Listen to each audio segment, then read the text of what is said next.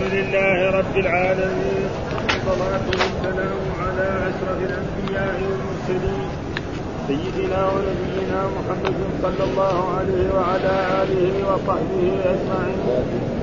قال الإمام البخاري رحمه الله باب التقنع وقال ابن عباس خرج النبي صلى الله عليه وسلم وعليه عصابة دسماء قال أنس وعصب النبي صلى الله عليه وسلم على رأسه حاشية برد. قال حدثنا إبراهيم بن موسى قال أخبرنا هشام عن معمر عن الزهري عن عروة عن عائشة رضي الله عنها قالت هاجر إلى الحبشة رجال من المسلمين وتشهد أبو بكر مهاجرا فقال النبي صلى الله عليه وسلم على رسلك فإني أرجو أن يؤذن لي فقال أبو بكر أو ترجوه بأبي أنت قال نعم. فحبس أبو بكر نفسه على النبي صلى الله عليه وسلم لصحبته وعلف راحلتين كانتا عنده. كانتا عنده ورق السمر ورق السمر أربعة أشهر. قال عروة قالت عائشة بينما نحن يوما جلوس. جلوس في بيتنا. في نحر الظهيرة فقال قائل لأبي بكر هذا رسول الله صلى الله عليه وسلم مقبلا مقبلا متقنعا في ساعة لم يكن يأتنا فيها. فقال أبو بكر فدلك بأبي وأمي والله إن جاء به في هذه الساعة إلا لأمر. فجاء النبي صلى الله عليه وسلم فاستأذن فأذن له فدخل فقال حين دخل لأبي بكر أخرج من أخرج من عندك من عندك؟ قال إنما هم أهلك بأبي أنت بأبي أنت يا رسول الله. قال فإني قد أذن لي في الخروج. قال فالصحبة بأبي أنت يا رسول الله؟ قال نعم. فقل بأبي. قال نعم. قال فقل بأبي أنت يا رسول الله إحدى راحلة جهاتين.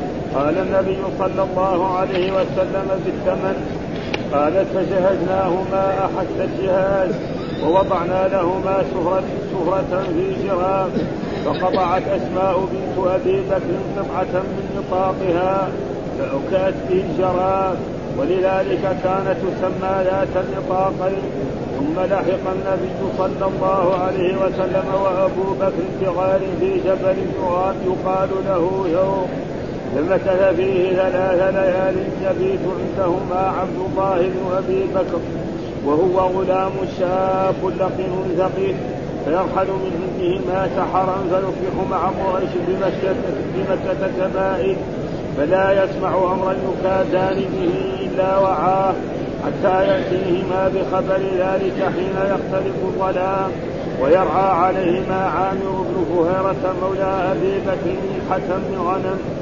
فيريحها عليهما حين تذهب ساعة من العشاء فيبيتان في رسلها حتى يلحق بهما عامر بن هويرة بغلس. يفعل ذلك كل ليلة من تلك الليالي الثلاث. باب المغفر. قال حدثنا أبو الوليد قال حدثنا مالك عن الزهري عن أنس رضي الله عنه أن النبي صلى الله عليه وسلم دخل, دخل مكة عام الفتح وعلى رأسه المغفر. باب الورود باب البرود والحبل والشعر. وقال خباب شكونا إلى النبي صلى الله عليه وسلم وهو متوسد بردة له. قال حدثنا إسماعيل بن عبد الله. قال حدثني مالك عن إسحاق بن عبد الله بن أبي طلحة عن أنس بن مالك قال كنت أمشي مع رسول الله صلى الله عليه وسلم وعليه كنت نجران بن غليظ حاجج. فادركه أعرابي فشبهه بردائه شبية شديدة حتى نظرت إلى صفحة عاتق رسول الله صلى الله عليه وسلم. قد اثرت بها حاشية البرد من شدة جبلته ثم قال يا محمد مرني من مال الله الذي عندك فالتفت إليه رسول الله صلى الله عليه وسلم ثم ضحك ثم أمر له بعطاء قال حدثنا قتيبة بن سعيد قال حدثنا يعقوب بن عبد الرحمن عن ابن حاتم عن سهل بن سعد قال جاءت امرأة ببردة قال سهل هل تدرون ما؟ قال نعم هي الشملة نشوش في حاشيتها قالت يا رسول الله إني نسجت هذه بيدي اكسوكها. فأخذها رسول الله صلى الله عليه وسلم محتاجا إليها. فخرج رسول الله صلى الله عليه وسلم إليها وإنها لإزار لإزار إنها لإزار لا إزار وإنها لإزاره شكل وجدتها رجل من القوم فقال يا رسول الله أكسنيها قال نعم. فجلس ما شاء الله فجلس ما شاء الله في المجلس ثم رجع فطواها ثم أرسل بها إليه. فقال له القوم ما أحسن؟ سألتها إياه وقد عرفت أنه لا يرد سائلا. فقال الرجل والله ما سألتها إلا لتكون كفني يوم أموت. قال سهل فكانت كفنه قال حدثنا أبو اليمان قال أخبرنا شعيب عن الزهري. قال حدثني سعيد بن المسيب أن أبا هريرة رضي الله عنه قال سمعت رسول الله صلى الله عليه وسلم يقول يدخل الجنة من أمتي ثمرة هي سبعون ألفا. تضيء وجوههم إضاءة القمر. فقام عكاشة بن محصن الأسدي يرفع يرفع نمرة عليه قال ادعو الله لي يا رسول الله أن يجعلني منهم. فقال اللهم اجعله منهم. ثم قام رجل من الأنصار فقال يا رسول الله ادعو الله لي أن يجعلني منهم. فقال رسول الله صلى الله عليه وسلم سبقك عكاشة قال حدثنا عمرو بن عاصم. قال حدثنا همام عن قتادة عن أنس قال قلت له اي الثياب كان أحب إلى النبي صلى الله عليه وسلم. قال الحبرة قال حدثني عبد الله بن أبي الأسود قال حدثنا معاذ قال حدثني أبي عن قتادة عن أنس بن مالك رضي الله عنه قال كان أحب الثياب إلى النبي صلى الله عليه وسلم أن يلبسها الحبرة طيب أعوذ بالله من الشيطان الرجيم. بسم الله الرحمن الرحيم. الحمد لله رب العالمين والصلاة والسلام على سيدنا ونبينا محمد وعلى آله وصحبه وسلم أجمعين. قال الإمام الحافظ باب التقنع وقال ابن عباس خرج النبي صلى الله عليه وسلم وعليه عصابة دسماء. وقال أنس وعصب النبي صلى الله عليه وسلم على رأسه حاشية برد. وهنا في الحديث عندنا نسختنا غلط الظاهر. في نسختنا في نسختي أنا غلط. أخبرنا هشام عن معمر عن عروة عن الزهري عن عائشة. وزي ما قرأت تمام. هو لازم يكون عن إيه؟ عن الزهري بعدين عروة. كذا نسخ في الحديث؟ أخبرنا هشام عن معمر عن الزهري. آه إيه؟ هو إيه؟ عن معمر عن عن الزهري, عن الزهري بعدين عروة. أيوه عن عروة. هو العدل هاي عندنا هكذا عن الزهري لا عن, عن معمر عن عروة هنا مكتوب. لا عن عمر عن معمر عن الزهري بعدين يصير عن الزهري عن عروة. نعم اللي عنده عن نسختي أنا فيها غلط. خطأ. ها يعني يعني من اصح حتى إيه. لا يعني لازم يكون إيه الزهري أول. أيوه. ها بعدين عروة ها. تابعي. إيه إيه. فهنا باب التقنع. ما معنى التقنع؟ التقنع يقول بقاف ونون ثقيلة وهي تغطية الرأس وأكثر الوجه. يعني يغطي رأسه ويغطي أكثر الوجه. ها؟ يغطي أكثر الوجه. هذا معنى التقلب. ها؟ وهذا يكون في الايه ها؟ يعني يكون في إيه؟ في شدة البرد أو شدة الحرارة. وكان مر علينا في الموطأ ان أن عثمان بن عفان رضي الله تعالى عنه كان في الحج. ها؟ وكان إيه؟ مع شدة الحرارة في الجو الحار كان إيه؟ يغطي إيه؟ لأنه ممنوع يغطي راسه المحرم. فكان هو يغطي إيه؟ وجهه. يعني هذا ذكر هذا معنى. ها؟ وهو محرم أي وهو محرم. أي وهو محرم. فساق الإمام مالك في الموطأ هناك أن عثمان بن عفان كان في يعني حج حج في حج من السنوات اللي حجه وهو خليفة وكان إيه مغطي وجهه. معلوم أن الرأس ما يغطي المحرم الرجل. ها ف...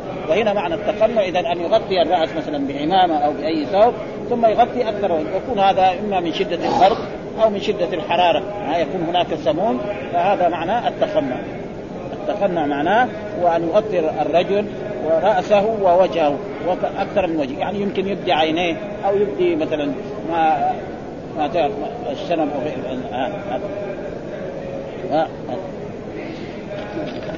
فهذا معناه.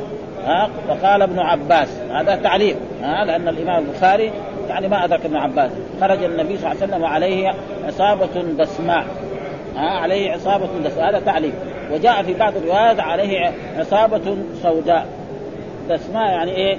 معلوم أن العصابة تختلف. في شيء أسمر ها في وهذا وهذه العصابة. طيب كانت على الرأس أكثر من يكون على على هذا. مثل ما الناس الآن في في عصرنا هذا الشخص لما يصاب بالصداع الصداع ها فإنه يربط إيه؟ هكذا ها يربط رأسه أو يصاب بالشقيقة التي هي جهة من الجهات الأرض الصداع معناه يكون إيه؟ ألم في إيه؟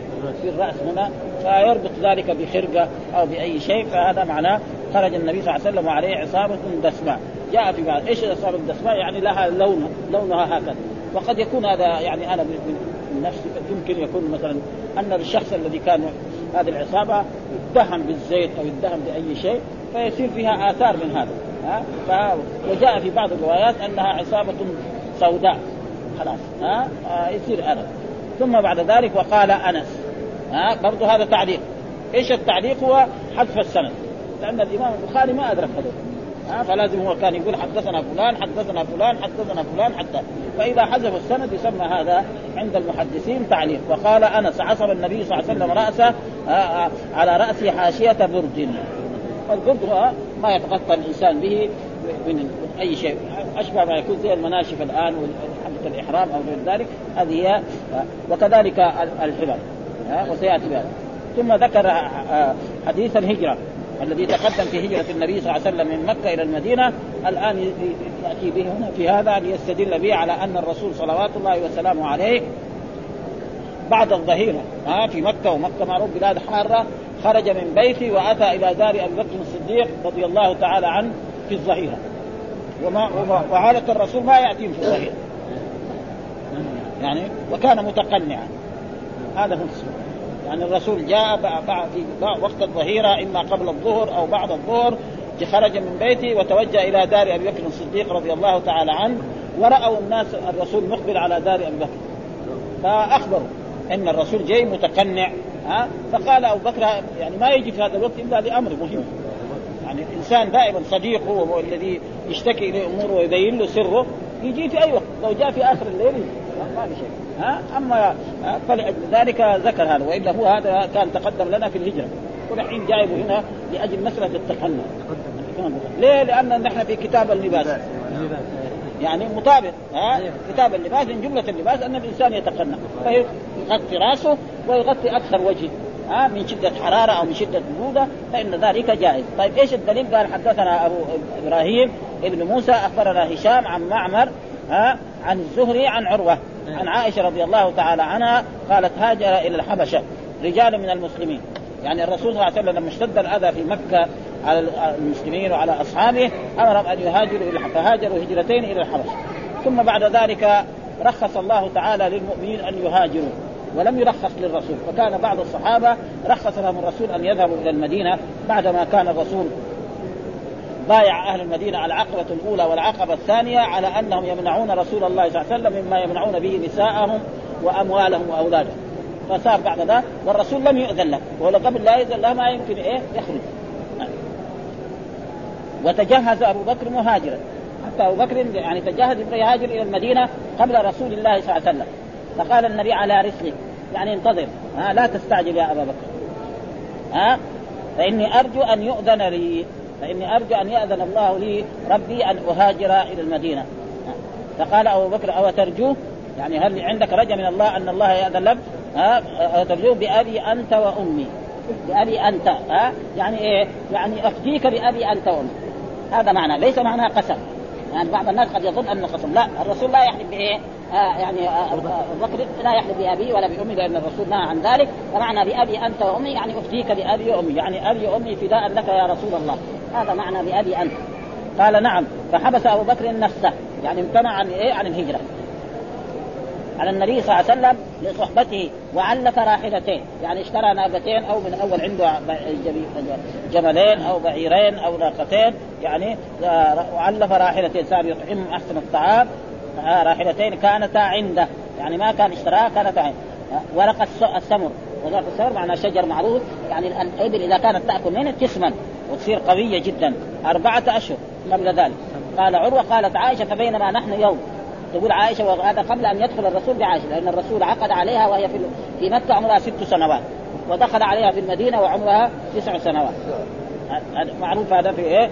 فبينما نحن يوما جلوس في بيتنا في نحر الظهيرة. يعني في وقت إيه؟ حرارة الشمس. فقال قائل يعني رجل رأى من أهل البيت آه الرسول مقدما علينا لأبي بكر. هذا رسول الله صلى الله عليه وسلم مقبلا متقنعا. هذا محل الشاهد. هذا هذا الحديث كله صيغة لهذه الكلمة متقنعا. أن الرسول كان متقنعا والرسول قدوة. فإذا كان الرسول تقنع فللمسلم أن يتقنع. هذا هذا محل الشاهد الذي يطابق إيه؟ الترجمة الذي هو باب التقنع. والباقي هذا زيادة. ها؟ ونحن نشرحه كله عشان يعني قد يكون متقنع. في ساعة لم يكن يأتينا فيه يعني في وقت. الساعة المراد بها هنا في لم يكن يأتينا. فقال أبو بكر آه آه فداء فداء لك أبي وأمي. يعني افديك بأبي أنت وامي والله إن جاء في هذه الساعة إلا لأمر. والله إن جاء في هذه الساعة إلا. يعني ما هنا إن نافية. يعني على هذه الرواية إن هنا نافية. يعني ما جاء. ما جاء الرسول في هذه الساعة فيها إلا لأمر مهم. هذا معنى وفي رواية إن جاء في هذه الساعة ها لأمر. يعني في رواية كذا وفي رواية كده. فاذا كان يعني ما جاء في هذه الساعة يصير إن نافي ها؟ بمعنى ما جاء في هذه الساعة إلا لأمر مهم. وفي رواية إن جاء في هذه الساعة لأمر ما في إلا. فيصير إيه؟ يعني إن مخففة من الثقيلة مهملة لا عمل لها وثم بعد ذلك يعني لأمر اللام, اللام المزحلق فجاء النبي صلى الله عليه وسلم وهذه دائما أن اللام مثل هذه تدخل على على ان إن المخفف من الثقيلة. كثير في القرآن. وإن كانت لكبيرة نعم. وإن كان وإن وجدنا اكثرهم لكن في الأكثر أن تدخل على فعل الناس. هنا ما دخلت على فعل الناس؟ ها؟ وإن كل لما ليوفينهم ربك أعمالهم. من ذلك فجاء النبي صلى الله عليه وسلم فاستأذن. يعني إيه؟ سلم. ها؟ استلام يقول السلام عليكم. فأذن له فدخل فقال حين دخل لأبي بكر أخرج من عندك يعني إذا كان في أحد عندك هنا في البيت أخرج لأن هناك بيني وبينك سر لا أريد أن يسمعه أحد. قال إنما هم أهلك بأبي أنت يا رسول الله. يعني ما في أحد إلا زوجتك عائشة وأمها. هذول أهلك ها؟ ما في غيرهم. يعني لا, لا رجل أجنبي ولا رقيق ولا عبد ولا أمة ولا غير ذلك. هذا معناه بالآن. ها؟ قال بأبي أنت يا رسول الله. قال فإنه قد أذن لي في الخروج. يعني قد رخص الله لي نعم أن أهاجر إلى المدينة مثل مع أصحابي. قال قال فالصحبة يعني أطلب منك الصحبة. يعني أن أكون إيه أنا صاحبا لك في هذه الثمرة ها صحبة. بأبي أنت يا رسول الله. قالوا بأبي أنت يا رسول الله. أفديك بأبي أنت يا رسول الله. قال نعم. يعني قبل الرسول أن يكون أبو بكر الصديق. قال قال فخذ بأبي أنت يا رسول الله إحدى راحلتين. يعني يا رسول الله أنا عندي راحلتين ناقتين أو بعيرين للسفر الثالث خذ واحدة منهم. قال الرسول لا أنا ما أخذها مجانا. بالقيمة بالثمن. ها؟ مجانا لا أريد. ها؟ عشان يحصل الأجر والثواب. ها؟ أنا أدفع لك قيمتها. هذا معناه وأن هذا ما في شيء. فقال آه فقال النبي بالثمن. فجهزتهما ها؟ أحس الجهاد قال فجهز فجهزناهما يعني جهزناهما يعني معناه آه آه آه يعني بيت بكر الصديق جهزوا الرسول صلى الله عليه وسلم يعني جعل لهم زاد سفر. معلوم الانسان لما يسافر من مكة إلى المدينة يبغى له زاد ها يبغى له شيء من الأطعمة وشيء من هذا ها فجهزناه ها احس جهاد يعني أحسن جهاد. يعني أعطينا لهم شيء من التمر أو من هذا وغير ذلك ها ووضعنا لهما سفرة في جراب. السفرة معنى الوعاء الذي يحط فيه الاجزاء هذا معناه في جراب و... فقطعت أسماء بنت أبي بكر قطعة من نطاقها فاوكأت به الجراب. يعني ربطت الجراب والنطاق ما تغطي به المرأة. مثلا زي شرشف أو غير ذلك أو عباية فقطعت به فلذلك سميت ذات النطاقين. ولذلك أسماء بنت ابي لأنها أخت. ها؟ أسماء أخت لعائشة وكانت هي زوجة الزبير بن عوام آه، راقيه وكانت فاوقعت به الجراب. ولذلك كانت تسمى ذات النطاقين ثم لحق النبي صلى الله عليه وسلم ثم في ليلة من الليالي لما تآمرت قريش على قتل رسول الله صلى الله عليه وسلم فإنهم اجتمعوا وتشاوروا ماذا يفعل بمحمد هذا؟ قالوا أحسن طريقة أن لهم الشيطان بعد مشاورة أنكم تجمعوا من كل قبيلة في في مكة شاب وتعطوه سيف فإذا خرج محمد يضربوه ضربة رجل واحد فيموت محمد ويرتاح منه فلا يستطيع بنو هاشم يحاربوا قريش كلهم فيقبلوا الدية ونرتاح من محمد هذه الفكرة الجهنمية اللي فكروا فيها. لكن الله نعم لابد أن يحفظ نبيه ولا يصيب لأنه لابد قال ليظهره على الدين كله. هذا وعد من الله. ما يمكن يقتل محمد. مستحيل هذا. ولذلك ذكر الله تعالى وإذ يمكر بك الذين كفروا ليثبتوك أو يقتلوك أو يخرجوك ويمكرون ويمكر الله والله خير الماكر فخرج الرسول من بيته وهم يعني جلوس على بيت رسول الله صلى الله عليه وسلم وكان بيده تراب. فرماهم بهذا التراب. فهذا التراب أصاب كل إنسان في أنفه نعم وفي فمه وفي حلقه وعلى رأسه كمان كل واحد من قام في الصباح وإذا في شوية تراب على رأسه. طيب فين محمد؟ سالوا علي بن أبي طالب وعلي بن أبي طالب كان وقت ذلك شاب يعني ما وصل العشرين ها نايم في فراش الرسول. إن دل يدل على إيه؟ على عظمة هذا الشاب لأن هذول بيتعاملون يبغى يقتلوه وهو يجي لكم محل. معناه إنه رجل شجاع. درجة ممتازة هذا وإلا واحد شاب زي هذا يقولوا له ارقد يقول لا ما ارقد بلكن يدخل واحد يقول يضربني بالسيف يظن محمد نايم؟ ها؟ ابدا ها؟ هذا كان يعني سيف من سيوف فبعد ذلك نعم آه وخرج وذهب إلى دار أبي بكر ثم خرج من دار أبي بكر إلى غار ثور. ثم اتفق مع خادم هذا أنه بعد ثلاثة أيام يأتيهم بالراحلتين. ها بعد ثلاثة أيام. ودخل في غار ثور وغار ثور معروف الآن في مكة في أسفل مكة في المسفلة. ها أنا ما أعرف ولا شفته ابدا. ها إنما هو في أسفل مكة في الجهة تقريبا الغربية من الجهة أشبه الجهة الجنوبية. فمكث ثلاث ثلاث. وكانوا آه، ثم قالوا من يأتي بمحمد حيا أو ميتا آه، يبيت عندهما عبد الله بن أبي بكر. لأبي بكر ابن اسمه عبد الله بن بكر وهو غلام شاب. يعني يجي في النهار يجلس في إيه مجالس قريش يجي هناك عند الكعبة. يجلس يسمع يسمع إيش يقول. إيش المؤامرة؟ قالوا مثلا من يأتي بمحمد حيا أو ميتا له 100 من الإبل. اللي يجيب لنا محمد سواء كان حي أو ميت له 100 من الإبل. والذي فتشوا على محمد هذا خرج فين راح؟ كل هذه الأخبار يجي في الليل. نعم يخبرها الرسول ويخبرها والده أبو بكر الصديق. ثلاثة أيام فتش على ما وجدوه وكان يمر على الغار. كل يوم لكن ما يجب ها؟ والله قال نعم إذ هما في الغار إذ يقول لصاحبه لا تحزن إن الله معنا. ها؟ معنا إيه؟ بالحفظ والتأييد والنصر. لا يمكن أن يرى محمد. مستحيل. ها؟ لأن الله معهم بنصره وتأييده وحفظه فكان يمر على الغار ولا يمكن يراه. حتى أن كان أبو بكر يخاف على الرسول لكن قال ما ظنك باثنين الله ثالثهما ثم بعد ذلك لا تقن ف... فيرحل من عندهما سحرا يعني ينام عند الرسول هناك عند الغار ثم إذا جاء قريب الفجر ينزل إلى مكة. ويقعد في مكة طول النهار. يسمع جميع الأخبار الموجودة في مكة إيش يقولوا قريش. محمد يجي في الليل يعطيهم الخبر. ها؟ فيصبح مع قريش ها بمكه كبائت. عشان لو جاء في الضحى يقولوا هذا راح محل مكان. ها؟ يجي قبل الفجر. ها؟ فلا يسمع فلا يسمع امرا. يكادان به إلا وعاه. حتى ياتينا بخبر ذلك حين يختلط الظلام ويرعى عليهما عامر بن فهيره وهو مولى لأبي بكر يعني عبد مملوك له منحة يعني عنده غنم من هذا عشرة أو عشرين أو أكثر أو أقل. ثم إذا جاء الليل يحلب ويجي يقدم الحليب لرسول الله صلى الله عليه وسلم وأبي بكر الصديق فيريحهما عليه حين تذهب ساعة من العشاء. ما يجي في المغرب يعني بعد العشاء ها بعد ما يظلم الليل ها فبيتان في إيه؟ على حتى حتى ينعق بهما عامر بن فهيرة حتى يجي عامر بن فهيرة ويجيب لهم اللبن. يفعل ذلك كل ليلة من تلك الليالي الثلاث. ثم بعد الثلاث جاء الرجل اللي أعطاه العبيد وجاء وخرج الرسول وركب وأخذ الطريق اللي بعيد. يعني طريق إيه؟ الساحل. اللي يبغى يروح مدينه مثلا يجي مثلا على طول. لا بعيد. حتى وصاروا ذهبوا يفتش عليه فما وجدوه. وما مضت أيام إلا والرسول صلى الله عليه وسلم في المدينة. خلاص لأن الله حفظه ولا بد أن يظهره على الدين كله ولو كره المشركون. وهذا معناه والقصة الذي ساقها الإمام البخاري عشان إيه؟ التقنع ها؟ لأن التقنع جائز. للانسان أن يتقنع بثوب يغطي رأسه ويغطي شيئا من وجهه. نعم سواء وأما إذا كان في الإحرام فليس له أن يغطي رأسه. وأما في غير الإحرام فلو يغطي رأسه ويغطي وجهه. فإن ذلك جائز وأن هذا من الألبسة التي تجوز للمسلم أن يفعل بها.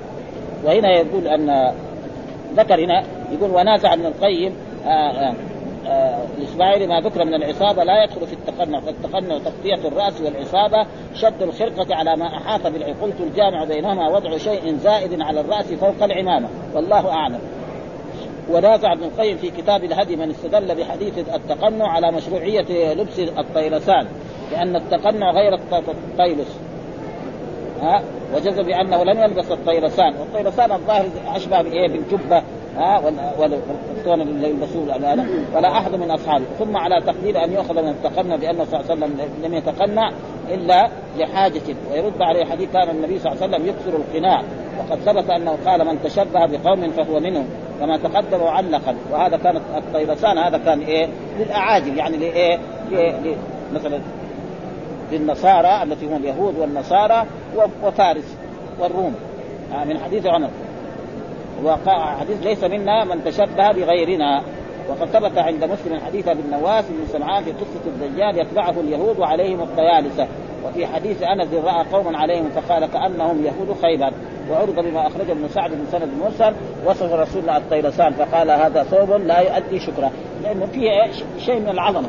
لأنه مثلا رجل يلبس له جبة كبيرة ومحلى بشيء من من من الحرير ولها كذا.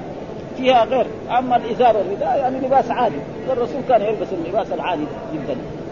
هذا فهذا معناه إنما يصعد بقصه اليهود في الوقت الذي تكون الطيارس من شعاره وقد ارتفع ذلك. لأنه هذا في نفس في عصر الحافظ كان يلبس العلماء. ها؟ الطيارسه والحكام والأمراء خصوصا الدولة العباسية. ها؟ الدولة العباسية لباسهم غير هذا فاذا ثم باب المغفر المغفر ما هو؟ هي ثوب أو قميص من من من درن يعني من حديد. يعني كده ها؟ كده. حلق حلق حلق حلق ويلبس في الحرب. فالإنسان يلبس ثيابه العادية التي هي من القطن ثم يلبس هذا. ويكون مغطى من الرأس إلى الرجلين فإذا ضربه إنسان بالسيف السيف ما, ما يقطع هذا ما يقطع الحديد. ها؟ بالرمح ما يدخل. ضيق. فهذا لباس الحرب وإيش معنى؟ إيش المغفر سمي؟ من الستر. ومن ذلك الغفور. الله يقول الغفور. إيش الغفور؟ معنى الستر. فالله إيه؟ يستر إيه؟ يعني ذنوب عباده. فالمغفر من هذا اخر ها؟ فالرسول كان يلبس المغفر في الحرب. وبعد ذلك جاء في بعض الروايات انه بعد ما لبس المغفر حتى العمام جاء في حديث عن رسول الله صلى الله عليه وسلم أن الرسول لما دخل مكة وعليه المغفر وعليه عمامة سوداء. متى؟ في إيه؟ في عام الفتح. لكن الرسول لما دخل عام الفتح دخل إيه؟ مجاهد ومحارب. ما يحتاج يحرم. ها؟ فدخل المغفر لابسه وفوق المغفر العمامة. وكانت عمامة سوداء. عشان دائما العلماء يذكروا عمامة سوداء أنه ما هو محرم. عشان يثبت أنه لا يلزم كل من دخل مكة يكون محرم. لا. هو ها؟ هذا معناه باب المغفر. اذا باب المغفر له الانسان المسلم أن يلبس لأن الرسول لبس والرسول قدوة حسنة. لقد كان لكم في رسول الله أسوة حسنة ها؟ إيش الدليل؟ قال حدثنا أبو الوليد قال حدثنا مالك عن الزهري عن أنس رضي الله أن النبي دخل مكة عام الفتح وعلى رأسه المغفر. هذا محل الشاهد أن الرسول دخل مكة عام فتح مكة وهي عام ثمانية في شهر رمضان نعم عام الفتح وعلى رأسه المغفر، إيش المغفر؟ هو ثوب من درج يعني من حديد كذا قطع قطع مضيبة وعلى ثم بعده العمامة. جاء في بعض الروايات كان عليه عمامة سوداء فيكون إيه؟ العمامة فوق المغفر والمغفر لازم يكون من من فوق هنا إلى الرجل ها؟ فإذا ضرب بسيف أو هذا وهذا فيه دليل على أن الإنسان لازم يأخذ إيه؟ الأسباب. مثلا الرسول يقول لا ما يحتاج. أنا لو جاءني السهم ولا هذا ما تصيبني. لا ها فالإنسان اللي يبغى يروح للحرب لازم يأخذ بالأسباب. ورسول الله الذي هو أعظم متوكل لبس المغفر وكان عنده سلاح. ها ما يقول لا ما يحتاج. الله قال الله يعصمك من الناس. فلا بد أخذ بالأسباب. فإذا أخذ بالأسباب خلاص ربنا يحفظ مع التعوذات الشرعية.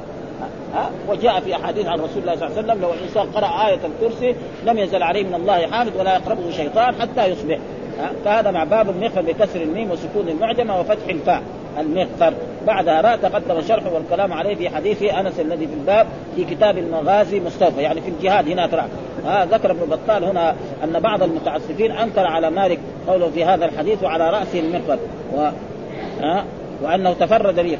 قال والمحفوظ أنه دخل مكة وعليه إمامة سوداء. ثم أجاب عن دعوى التفرد أنه وجد في كتاب حديث الزهري تصنيف النسائي هذا الحديث من رواية الأوزاعي عن الزهري مثل ما رواه مالك وعن الحديث الآخر بأنه دخل على راسه المغفر وكانت العمامه سوداء. فيكفي جمعنا. يعني كان لابس المغفر وكان فوق المغفر إيه؟ العمامه السوداء وهذا جائز ليس فيه شيء. قلت وقد ذكرت في شرح الحديث أن بضعة عشر نفسا رواه عن الزهري غير مالك والزهري هو شيخ مالك. ها؟ وبينت مخارجها وإلا بما اغنى عن إعادته هناك. وهذا شيء قلنا من زمان. ما ما يبقى في الذهن إلا شيء بسيط. باب باب البرود والحبر. يعني يقول باب البرود. والحبر بكسر الحاء. والباء مفتوحة. هذا معناه. وهي يعني كناية عن إيه؟ رداء يعني يجعل الإنسان على إيه؟ أشبه يعني ممكن نقول بالايه بالمناشف التي للإحرام. ها؟ تكون مضلعة. هذا تقريبا وقال بعد ذلك والحبر كذلك منها. ها؟ الحاء مكسوره والباء هذا شمعي كان فرق ها؟ حبر شمعي كان فرق هي حبرة يعني هو. يقول هنا ذكر الحبر بكسر المهملة وفتح الموحدة بعدها راء جمع حبرة هذا جمع. ويأتي شرحها في خامس أحاديث الباب. يعني في في خامس أحاديث الباب يذكرها الرسول صلى الله عليه وسلم وفي الحديث يذكرها. والشملة. والشملة هي تقريبا البروف والشملة هي المعنى وهو زي مثلا إنسان يلبس يعني أشبه ما يكون زي الكوت أو زي الأشياء العبايه الضيقة هذا. كان العرب مثلا في أيام الشتاء أو في أيام البرد يلبسوا هذه وتسمى الشملة. ولذلك ذكر أحاديث ذكر عن البرود وعن العبر وعن الشملة وتقريبا وقال خباب ها خباب بن الارق الذي إيه؟ من فقراء المهاجرين والذي لاقى من الأذى في مكة ما لم يلاقه غيره. ها فقال خباب شكونا إلى النبي صلى الله عليه وسلم وهو متوسد بردة له. يعني جاء خباب إلى رسول الله صلى الله عليه وسلم وهو متوسل برده له في داره أو في المسجد الحرام أو في أي مكان. قال يا رسول الله نحن قد أوذينا. نحن الفقراء دول يؤذونا قريش ويضربونا ويعملون معنا. بعض الكبار يعني ما يؤذون لكن الضعاف زي زي خباب وزي صهيب وزي بلال هذول يلاقوا أذى. لكن مثلا أبو بكر الصديق ما حد يقدر يسب ولا يشتم ولا ولا يؤذيه ابدا. آه كذلك عبد الرحمن بن عوف هذول يعني لهم عشيرة ها تحميم. لكن هذا هذا مسكين هذا هذا ضعيف. فدائما يؤذي الضعاف. فقال شكونا إلى النبي صلى الله عليه وسلم وهو بردة لهم. يعني نحن قد لاقينا من الأذى ومن الأذية ومن الضرب ومن الشتم ومن غير ذلك ها فقال إنكم تستعجلون. سيأتي زمان إن شاء الله يكون لكم النصر ولكم التعب ولذلك يقول الله تعالى وصف النصر مع الذين يدعون ربهم من الغداة والعشي يريدون وجه ولا تعد عيناك عنهم تريد زينة الحياة الدنيا ها ولا تطع من أغفلنا قلبه عن ذكرنا وكان أمره فرطا. ها ولذلك الرسول يعني أنكر على رسول عاتب الرسول لما جاء في قصة عبس وتولى أن جاءه الأعمى فإن الرسول كان جالسا في مجلس وجاءه بعض صناديد قريش وصار يتكلم معه. وجاء عبد الله بن مكتوم يقول له علمني مما علمك الله. يا رسول الله. فكان الرسول يعني يقول هذول لما يسلموا الكبار دول يكون إيه؟ قوة للإسلام.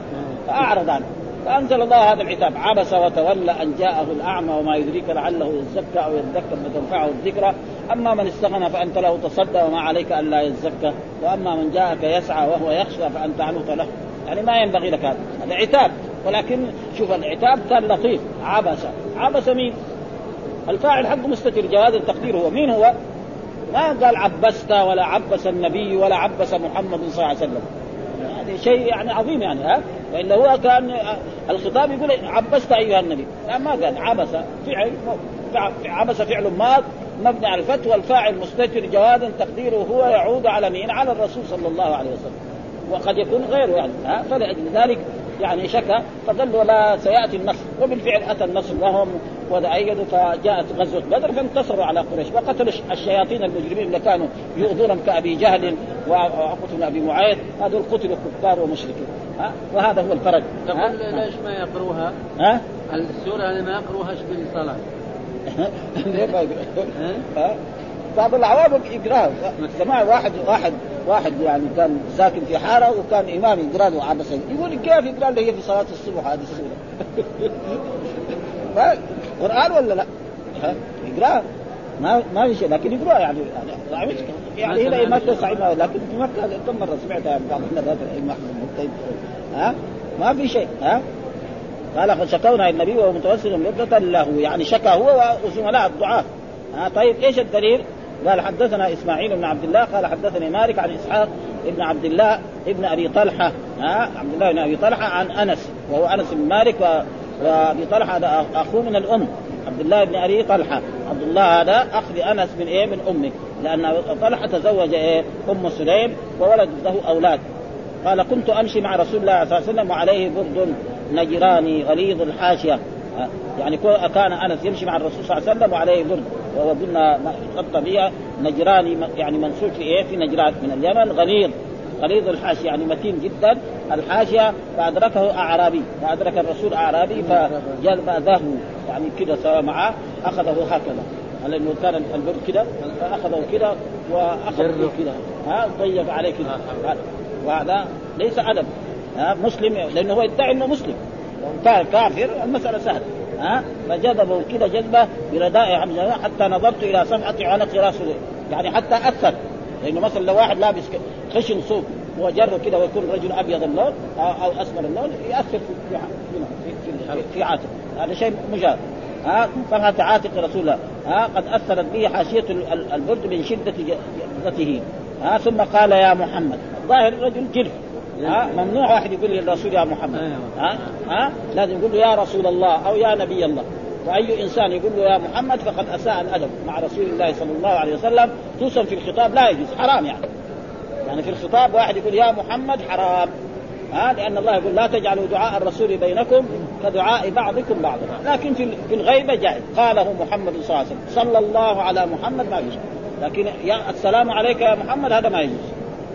ها؟ أبدا. ها؟ لأن الله يقول لا تجعل نحن دحين كثير من الناس اللي عندهم مدنية ما ينادي للشخص الكبير يقول له يا أبا محمد يا أبا خالد يا ابا يا سيد فلان. كذا الناس يقولون. حتى حتى الشياطين. ها؟ نسمع في الإذاعات. يقول السيد فلان. واحد نصراني. ما ما ينبغي فلذلك ما ينبغي لأحد يقول هذا. أما في الغيبه ما في شيء. ها؟ ما في. ها؟ في الغيبه ما قاله محمد والصحابه كانوا يقولوا هذا. ما في شيء. ها؟ لا يتنطع و وكذلك لو قال سيدنا ما في شيء ها؟ إلا في مثلا في التشهد ما في. يعني لما يصلي على الرسول أشهد أن محمدا عبده ورسوله ما يقول أشهد أن سيدنا. كذلك اللهم صل على محمد وعلى في الصلاة. في غير الصلاة له يقول سيدنا. وحبيبنا وقرة عيننا إلى غير ذلك من الأشياء التي هذا ف... ف... قال بعد ذلك آه، آه، مر لي من مال الله. يعني في بعض الروايات يقول له هذا مو مالك ولا مال أبوك. كذا بهذه العبارة. شخص اعرابي قال للرسول هذا المال اللي عندك من الفي والغنيمة لا هو مالك ولا مال أبيك. أعطنا. ها؟ وهذا إساءة أدب. ها؟ أبدا. لا ينبغي الرسول يخاطب مثل هذا الخطاب. لو كان أميرا من الأمراء يمكن يأمر بخطب. لو قال هذا في أيام آه مثلا أيام زياد وأمثال ذلك يضرب عنق. لأنه جاء في بعض الأحاديث أن الصحابة كانوا يقول لبعض الصحابة اتق الله. كانوا يقول آه جاء عبد الله عبد الملك يقول من قال اتق الله ضربت عنقه. ها؟ ظلم. اللي يقول اتق الله ضربت عنقه. كذا ما في ابدا. ها يسمع بس. اللي يقول الحاكم خلاص هو هذا ما ينبغي. بخلاف الصحابة والناس الطيبين يعني ينصح ها ثم ضحك النبي فالتفت إليه ثم ضحك ثم أمر له بعطاء. يعني أمر اعطوا له شيء اعطوا له شيء من الذهب أو من الفضة أو من الإبل أو من البقر أو من أي شيء أمر لهم فمحل الشاهد الذي يعني محل اللي إيه؟ برد النجراني. هذا محل الشاهد. الحديث لأجل إيه؟ أن الرسول كان لابس هذا وهذا نجران يعني إيه؟ يعني صنع في نجران وهي من بلاد اليمن. ثم ذكر حدثنا قتيبة بن سعيد حدثنا يعقوب بن عبد الرحمن عن أبي حازم عن سالم بن سعد قال جاءت امرأة ببردة. برضو هذا محل الشاهد ها؟ ببردة. قال سهل هل تدرون ما البردة؟ قال نعم هي الشملة. فالشملة والبردة اذا إيه؟ شيء واحد. وهو ما يوضع على الكتفين تقريبا ويكون فيه شيء من الغلظة وفيه شيء من من هذا منسوج في حاشيتها. قالت يا رسول الله إني نسكت هذه بيدي اكسوكها يعني أنا ما اشتريتها من السوق. أنا قعدت شهر أو شهرين انسجها بيدي عشان أقدمها هدية لرسول الله صلى الله عليه وسلم فقبلها الرسول. ها؟ فأخذها رسول الله اخذها رسول الله صلى الله عليه وسلم محتاجا إليها لأنه ما كان عنده يمكن. ها؟ مثل هذه البرده فخرج رسول الله صلى الله عليه وسلم وإنها لازاره والإزار ما يلبس من تحت. ها فقال آه فقال رجل من القوم يا رسول الله اكسينيها يعني أعطيني أنا أبغاه. فقال الناس ما لك حق الرسول محتاج إليها وأنت تطلبها قال لا أنا ما طلبتها لأجل البسها إنما عشان إيه إذا مت أنا تصير كفني. أنا ما أبغى لأن هذه إيه؟ باشرت إيه؟ جسد رسول الله صلى الله عليه وسلم. فلما باشرت جسد رسول الله بعدين لما تيجي تباشر جسد لمن أنا أموت يكون سبب المغفرة هذا. هذا أنا أنا ما أنا ما أبغى البسها ابدا ولا أبغى أبيعها ولا أبغى أقدمها هدية لزوجتي أو لولدي ابدا. إنما أبغى أجعلها كفن. ها؟ وبالفعل يعني كانت ويقول الصحابي كانت كفن هذا الرجل. أخذها دغري الرسول دخل بيته وطواها وقال يا فلان اذهب بها إلى فلان.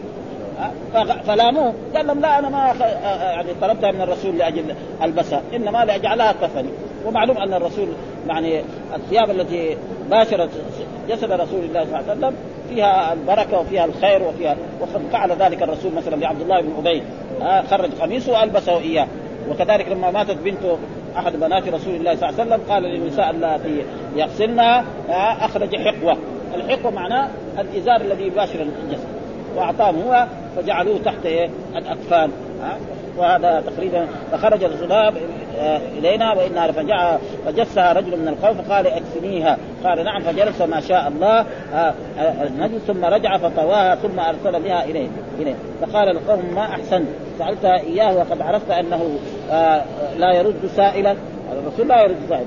مثل ما قال يقول أن الفرزدق مرة من المرات مدح مدح يعني زين العابدين. كان جاء هشام بن عبد الملك إلى مكة. وخليفه وكان يطوف بالبيت. إذا جاء يطوف بالبيت الناس يزاحموه ولما يجي زين العابدين يوسعونه فسألوا أهل الشام هذا مين ده؟ قال لهم ما يعرف. الان لأنه أهل الشام الخليفة يزاحم. والرجل العادي يوسع له إيش هذا؟ قال ما يعرف. آه شوية الفرزدق رجل متشيع يعني عنده يحب أهل البيت. وكل الناس يحبوا أهل البيت. فساوى قصيدة ها؟